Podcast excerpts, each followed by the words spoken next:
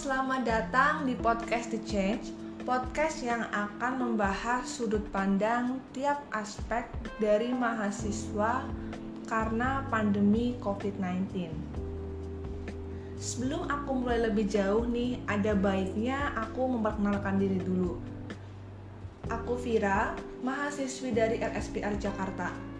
Di episode pertama ini, aku akan sharing sama temen aku sekaligus berbagi keluh kesah tentang perkuliahan selama masa pandemi.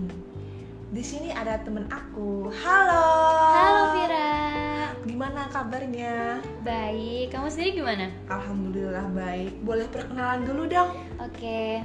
Halo semuanya. Perkenalkan, aku Dinda, mahasiswi semester 5 dari salah satu universitas di Semarang. Salam kenal semuanya. Gimana kuliahnya nih? Uh, sejauh ini lancar sih.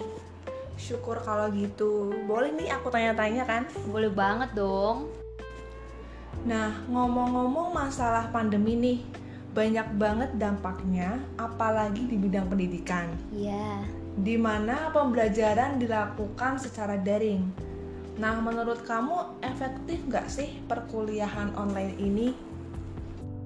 Kalau menurut aku sih Sistem pembelajaran daring ini efektif kalau buat penugasan, tapi kurang efektif untuk membuat siswanya memahami materi.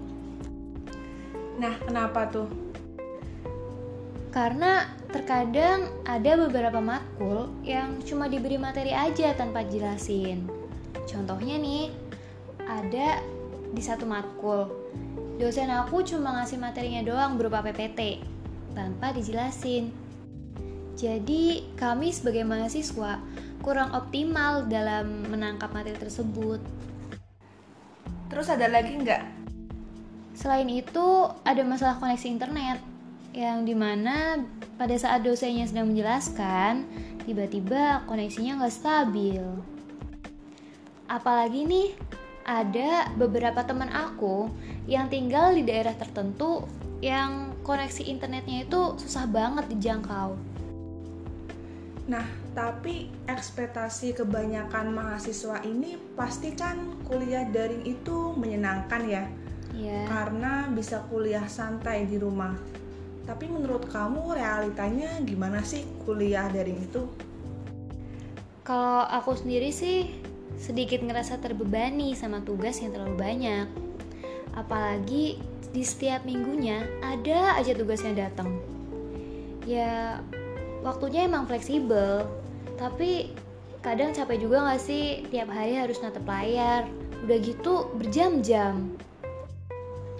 Wah nggak kebayang sih. Nah iya kan?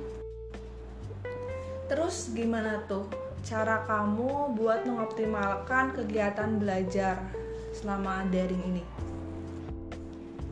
Kalau menurut aku yang pertama aku menghindari multitasking sih. Maksudnya gimana tuh? Ya, maksud aku gini. Kalau misalkan kita lagi mengerjakan suatu hal. Nah, kita jangan melakukan pekerjaan lain. Lebih baik kita fokus aja ke kerjaan utama kita. Supaya nih konsentrasi kita nggak kepecah.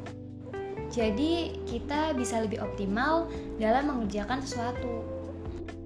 Terus, yang kedua, menurut aku, kita harus bisa memanage waktu sih. Jangan sampai waktu istirahat kita itu kemakan sama waktu belajar. Karena kalau misal kita nggak istirahat, itu kan juga bakal berdampak sama kesehatan kita. Iya benar banget sih, apalagi di masa pandemi ini kan kesehatan tetap yang paling nomor satu kan. Oh iya, terus ada lagi nggak nih?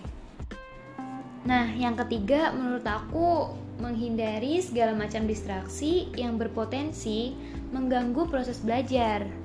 Seperti nonton drakor, mengakses sosial media yang kadang-kadang dilakuin tanpa direncanain Iya, sosmed itu emang racun sih. Gampang banget ngedistract kita dan cepet banget. Iya, bener banget kan? Nah, ada lagi nih yang terakhir. uh, sebisa mungkin menjaga komunikasi sih, komunikasi ke teman-teman dan ke dosen supaya komunikasi berjalan dengan baik dan menghindari adanya miskom. Nah, selanjutnya apa nih harapan kamu terkait sistem perkuliahan ke depannya? Apakah masih ingin online atau mulai offline lagi? Harapan aku ke depannya sih, kalaupun masih online ya, kampus bisa ngasih kebijakan yang lebih menunjang kegiatan belajar mengajar secara daring. Contohnya apa tuh?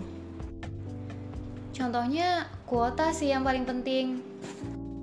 Karena kalau nggak ada kuota, kita kan jadi nggak bisa mengakses internet ya. Bener banget, apalagi nggak semua orang pakai wifi kan di rumahnya. Nah makanya kuota itu penting banget sih. Kalau misalkan kita nggak ada kuota, nggak ada wifi, kan jadinya nggak bisa kuliah. Tugas-tugas gimana dong? Oh ya, bukannya udah ada bantuan kuota ya dari pemerintah? Ada sih beberapa mahasiswa-mahasiswi yang dapat bantuan kuota. Tapi aku rasa itu nggak merata deh. Soalnya aku sendiri juga dapat bantuan kuota cuma di awal pandemi, selanjutnya nggak ada. Nah, terus ada lagi nggak tuh selain kuota? Kalau menurut aku peringanan UKT sih. Apalagi di masa sekarang ini banyak pekerjaan yang terkena dampak dari adanya pandemi. Sehingga penghasilan orang tua mahasiswa-mahasiswi jadi nggak stabil. Oh iya, bener banget sih. Oh ya, kamu kangen gak sih sama kuliah offline? Kangen sih, apalagi ngobrol sama teman-teman, nongkrong bareng, hangout pas kelar jam kuliah. Yang paling dikangenin sih makan bareng teman-teman kali ya. Iya bener banget sih, apalagi selama masa pandemi ini intensitas buat ketemu teman-teman jadi berkurang. Iya bener banget Kan biasanya sebelum pandemi nih Ketemu teman-teman itu bener-bener tiap hari loh Apalagi selama jadi anak rantau Aku ngabisin waktu ya sama teman-teman Oh iya aku juga kangen banget sama Burjo Nah, Burjo itu apaan tuh? Jadi sebenarnya burjo itu kependekan dari bubur kacang hijau. Tapi yang dijual di situ nggak cuma bubur kacang hijau aja sih, ada orak arik telur, ayam Bali, magelangan dan harganya tuh murah-murah banget. Aduh, kayaknya aku lapar nih. Kamu harus coba sih Fir makan di Burjo. Ya boleh kali ya kalau udah mulai kuliah offline lagi. Eh, tapi kok kita malah jadi ngomongin Burjo sih? Eh iya juga ya. Oh ya, aku lanjut ke pertanyaan terakhir aja deh. Apa tuh? Lebih milih kuliah online atau offline?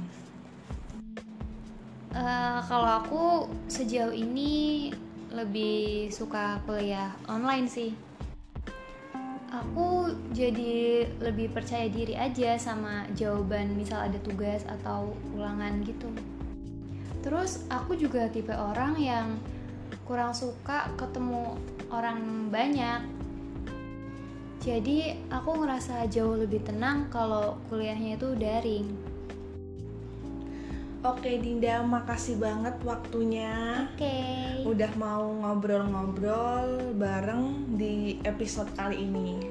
Episode pertama podcast The Change.